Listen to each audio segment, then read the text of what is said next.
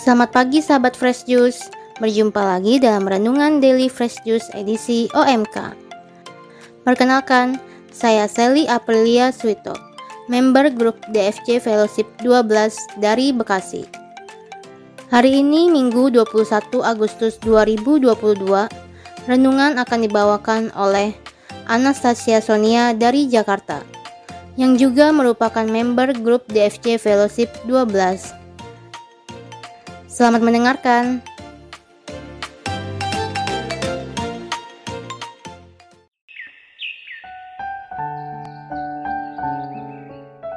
Selamat hari Minggu teman-teman Fresh Juice. Jumpa kembali dengan saya dalam renungan spesial OMK Daily Fresh Juice.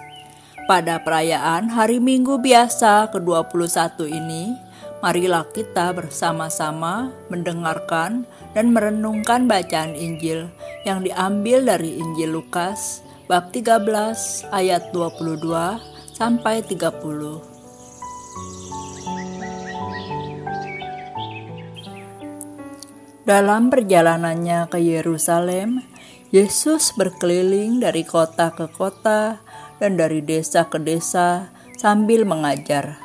Maka bertanyalah orang kepadanya, "Tuhan, sedikit sajakah orang yang diselamatkan?" Jawab Yesus kepada orang-orang di situ, "Berjuanglah untuk masuk melalui pintu yang sempit itu, sebab Aku berkata kepadamu, banyak orang akan berusaha untuk masuk, tapi tidak akan dapat." Jika tuan rumah telah bangkit dan menutup pintu, kamu akan berdiri di luar dan mengetuk-ngetuk pintu sambil berkata, "Tuan, bukakanlah kami pintu." Tapi ia akan berkata, "Aku tidak tahu dari mana kamu datang." Maka kamu akan berkata, "Kami telah makan dan minum di hadapanmu, dan engkau telah mengajar di jalan-jalan kota kami." Tapi ia akan berkata kepadamu, Aku tidak tahu dari mana kamu datang. Enyahlah dari hadapanku, hai kamu sekalian yang melakukan kejahatan. Di sanalah akan terdapat ratap dan kertak gigi. Apabila kamu akan melihat Abraham dan Ishak dan Yakub dan semua nabi ada dalam kerajaan Allah, tapi kamu sendiri dicampakkan keluar. Dan orang akan datang dari timur dan barat, dari utara dan selatan, dan mereka akan duduk makan dalam kerajaan Allah. Dan sekarang ada orang yang terakhir akan menjadi yang terdahulu, dan yang terdahulu akan menjadi yang terakhir. Demikianlah Injil Tuhan. Terpujilah Kristus.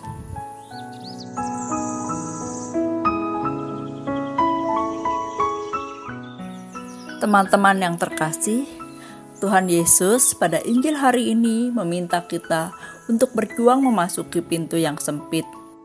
Ada sebuah renungan yang pernah saya baca mengenai bagaimana seseorang akan dihakimi setelah kematiannya. Kira-kira seperti ini renungannya. Pada hari penghakiman nanti, iblis akan menjadi pendakwa yang paling jahat atas jiwa kita iblis akan bilang begini, Tuhan, jiwa ini tidak mentaati perintah-perintahmu, melainkan perintahku. Karena itu, jiwa ini adalah milikku.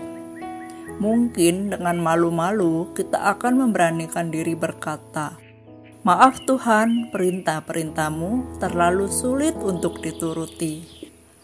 Kemudian iblis akan mencerca kita dan berkata, itu tidak benar.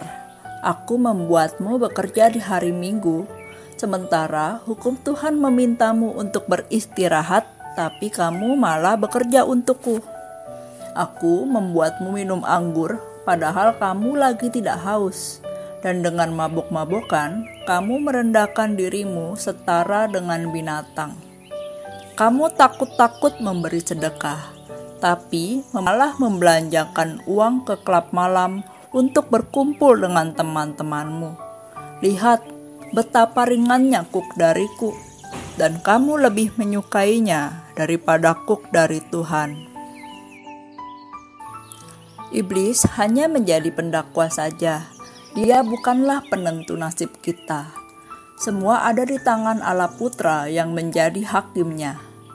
Inti yang ingin saya sampaikan dari renungan tersebut adalah bagaimana kehendak bebas kita dalam memilih pintu yang lebar dan yang sempit.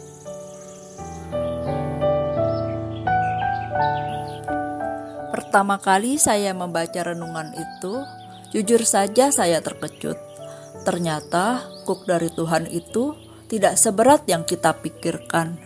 Kita cuma diminta untuk menjauhi yang Tuhan larang. Kita mungkin juga berpikiran sama dengan jiwa yang dihakimi itu.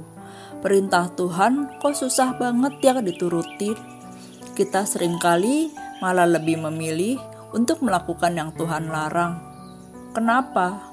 Karena itu adalah pintu lebar yang diambil sebagian besar orang. Kita dihantui rasa malu jika kita tidak mengikuti tren tertentu. Misalnya, fashion zaman now.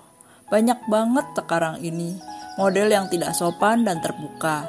Tapi, bila kita tidak ikut-ikutan, kita akan dianggap ketinggalan zaman. Padahal, kita tetap bisa loh berpakaian sopan namun tetap terlihat menarik.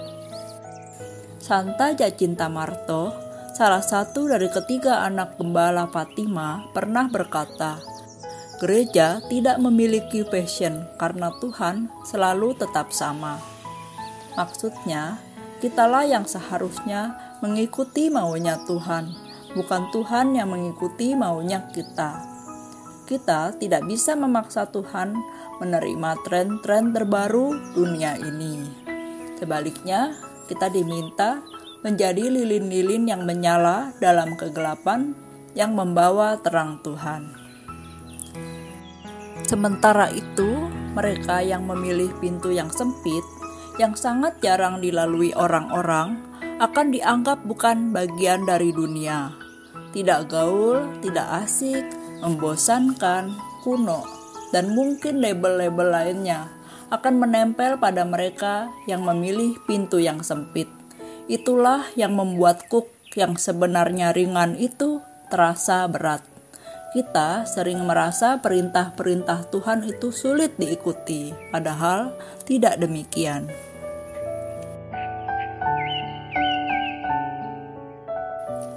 Teman-teman Fresh Juice yang terkasih, rasa malu karena tidak up to date rasa ingin diakui, rasa takut dikucilkan karena mengikuti perintah Tuhan, itulah yang menjadi penghalang bagi kita untuk memasuki pintu yang sempit.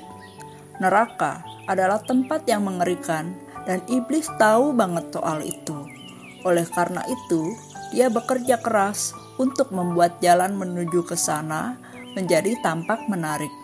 Dan Tuhan meminta kita berjuang memasuki pintu yang sempit, karena Tuhan tahu apa yang menanti kita di balik pintu yang sempit itu. Sesuatu yang tidak pernah dilihat mata, yang tidak pernah didengar oleh telinga, dan yang tidak pernah timbul di hati manusia, semuanya disediakan Tuhan bagi mereka yang mengasihi Dia. 1 Korintus bab 2 ayat 9.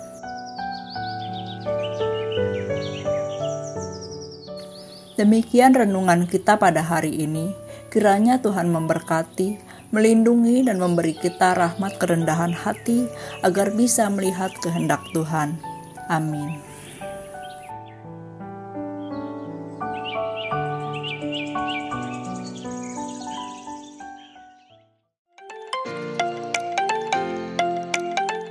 Terima kasih Kak Sonia untuk renungannya hari ini. Semoga kita tidak ragu untuk mengikuti perintah Tuhan walaupun harus lewat pintu yang sempit. Karena Tuhan sudah menanti kita di balik pintu yang sempit itu. Sampai jumpa lagi di renungan Daily Fresh Juice edisi OMK selanjutnya. Tetap semangat dan jaga kesehatan ya. Salam Fresh Juice.